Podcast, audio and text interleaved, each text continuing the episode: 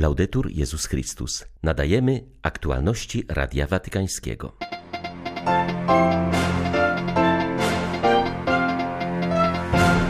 Już teraz przygotujmy się na nasz ostatni krok, aby prowadził nas na drogę życia, mówił papież podczas mszy we wspomnienie wszystkich wiernych zmarłych.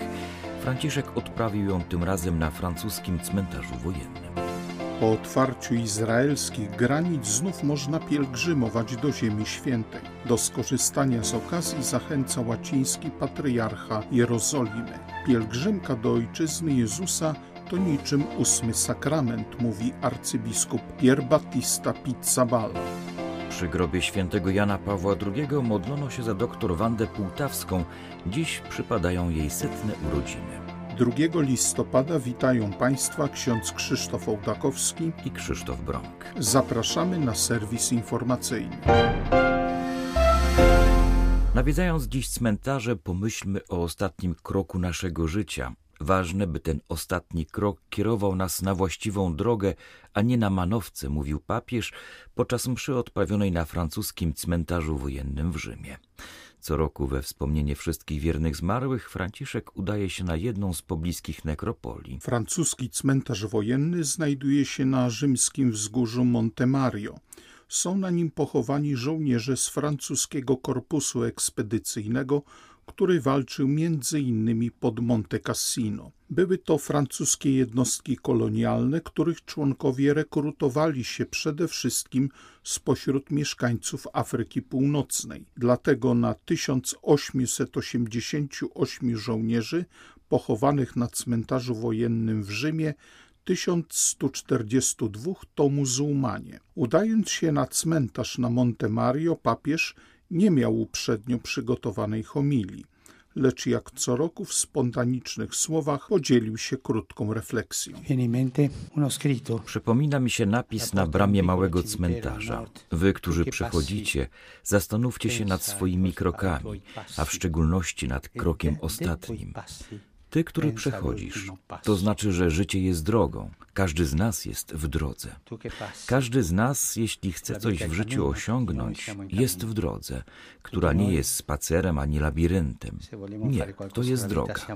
W tej drodze przechodzimy przez wiele wydarzeń historycznych, wiele trudnych sytuacji, ale także przechodzimy przed cmentarzami.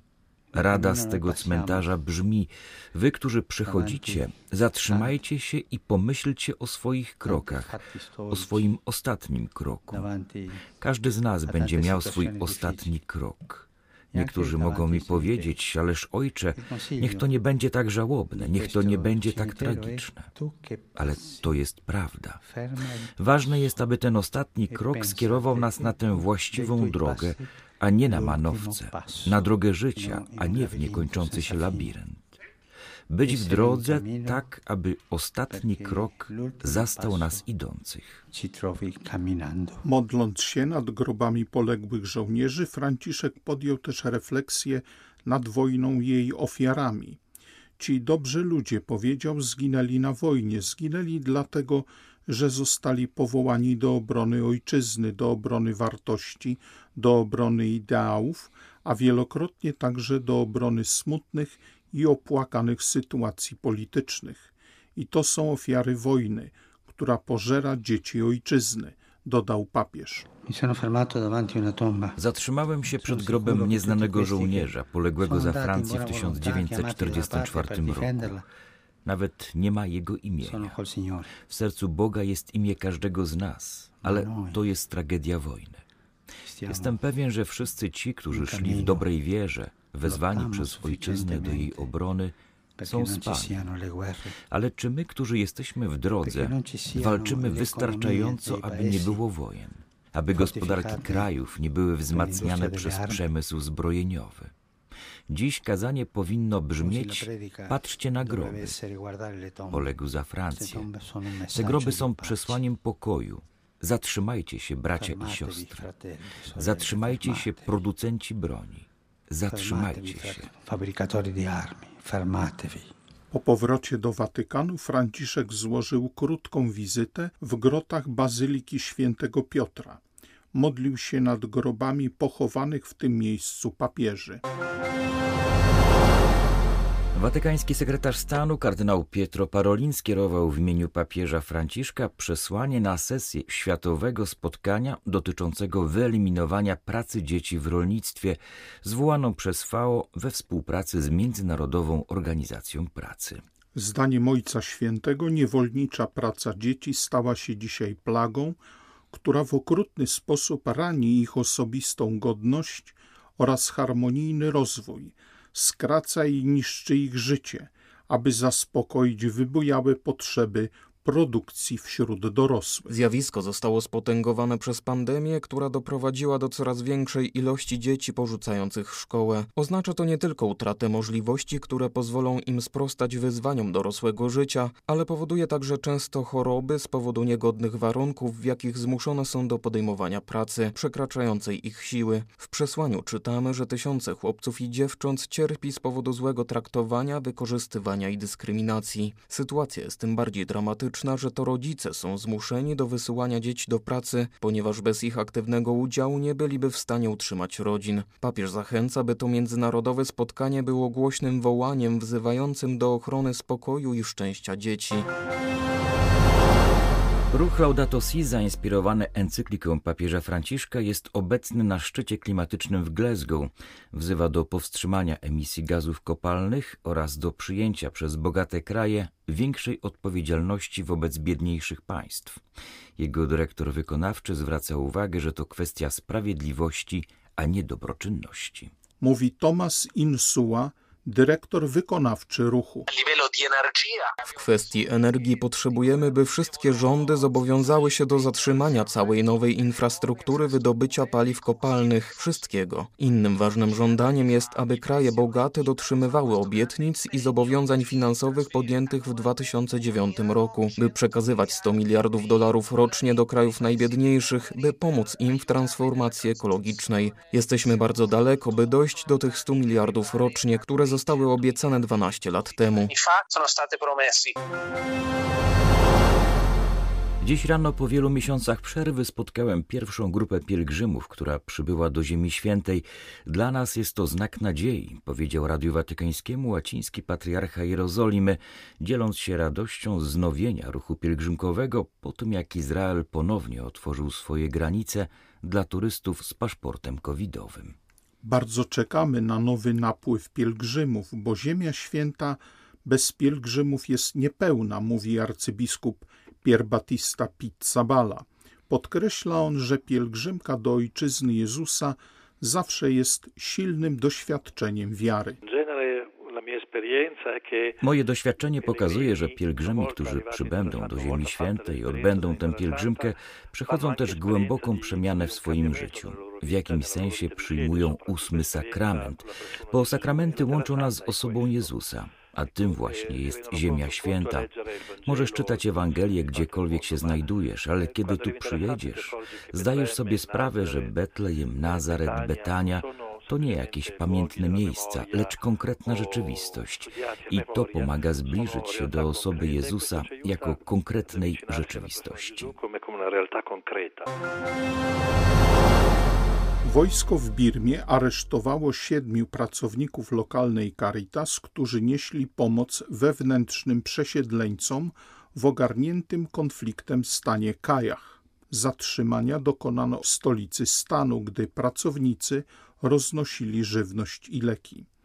Diecezja z uwagą śledzi położenia aresztowanych i podejmuje starania o ich uwolnienie. Kościół odegrał bardzo ważną rolę w dostarczaniu pomocy humanitarnej dla uchodźców wewnętrznych, którzy od czasu wybuchu walk w maju schronili się w kościołach, klasztorach i prowizorycznych obozach. Co najmniej 10 parafii w diecezji Loikaw zostało dotkniętych niedawnym konfliktem, w wyniku którego przesiedlono ponad 100 tysięcy osób, w tym również katolików. Diecezja odpowiada na potrzeby około 70% z nich. Udzielanie pomocy jest nadal trudne ze względu na ścisłe ograniczenia stawiane przez wojsko. W większości chrześcijańskim regionie jest niemal codziennością, że wojsko pali domy cywilów i zabija ich oraz dokonuje arbitralnych aresztowań. Zatrzymania pracowników socjalnych nastąpiły zaledwie 7 dni po tym, jak 13 października kościół pod wezwaniem niepokalanego poczęcia w Pruso został poddany ostrzałowi. Święty Ignacy i jego pierwsi towarzysze żyli w okresie, kiedy zarówno Kościół, jak i świat przechodziły poważny kryzys kierując się swoją wiarą, postanowili podjąć się reformy ich obu. W tym sensie mogą być wzorem również dla współczesnych chrześcijan w obliczu współczesnych kryzysów. Wskazuje na to ksiądz François Boedek, przełożony francuskojęzycznej prowincji jezuitów w Europie. W Marsylii odbyło się regionalne spotkanie zgromadzeń i ruchów, które inspirują się duchowością świętego Ignacego. Okazją ku temu jest 500-lecie nawrócenia założyciela jezuitów. Święty Ignacy odkrywa wiarę stopniowo, nie od razu. I dociera też do niego, że owocność jego egzystencji nie zależy od siły jego własnych rąk, choć z natury jest człowiekiem bardzo zdeterminowany. Wiele kul armatnich naznaczyło jego życie. Pierwszą otrzymał w 1521 roku podczas oblężenia Pampeluny na polu bitwy, ale kolejne przychodziły przez całe jego życie i wymuszały w nim różne zmiany. My również mamy swoje kule armatnie, pewne wydarzenia i przełomy, które zmuszają nas do wyboru, stawiają nas twarzą w twarz z tym, co istotne. Wyzwanie polega na tym, by usłyszeć, do jakich nawróceń, do jakiego zaufania, do jakiej kreatywności. popychają nas te kule armatnie, nawet najcięższe. Święty Ignacy pokazuje, że Bóg jest obecny w słabościach i ranach świata, a my nie jesteśmy sami. Dzisiaj przypada stulecie urodzin dr Wandy Półtawskiej, wielkiej promotorki życia i rodziny.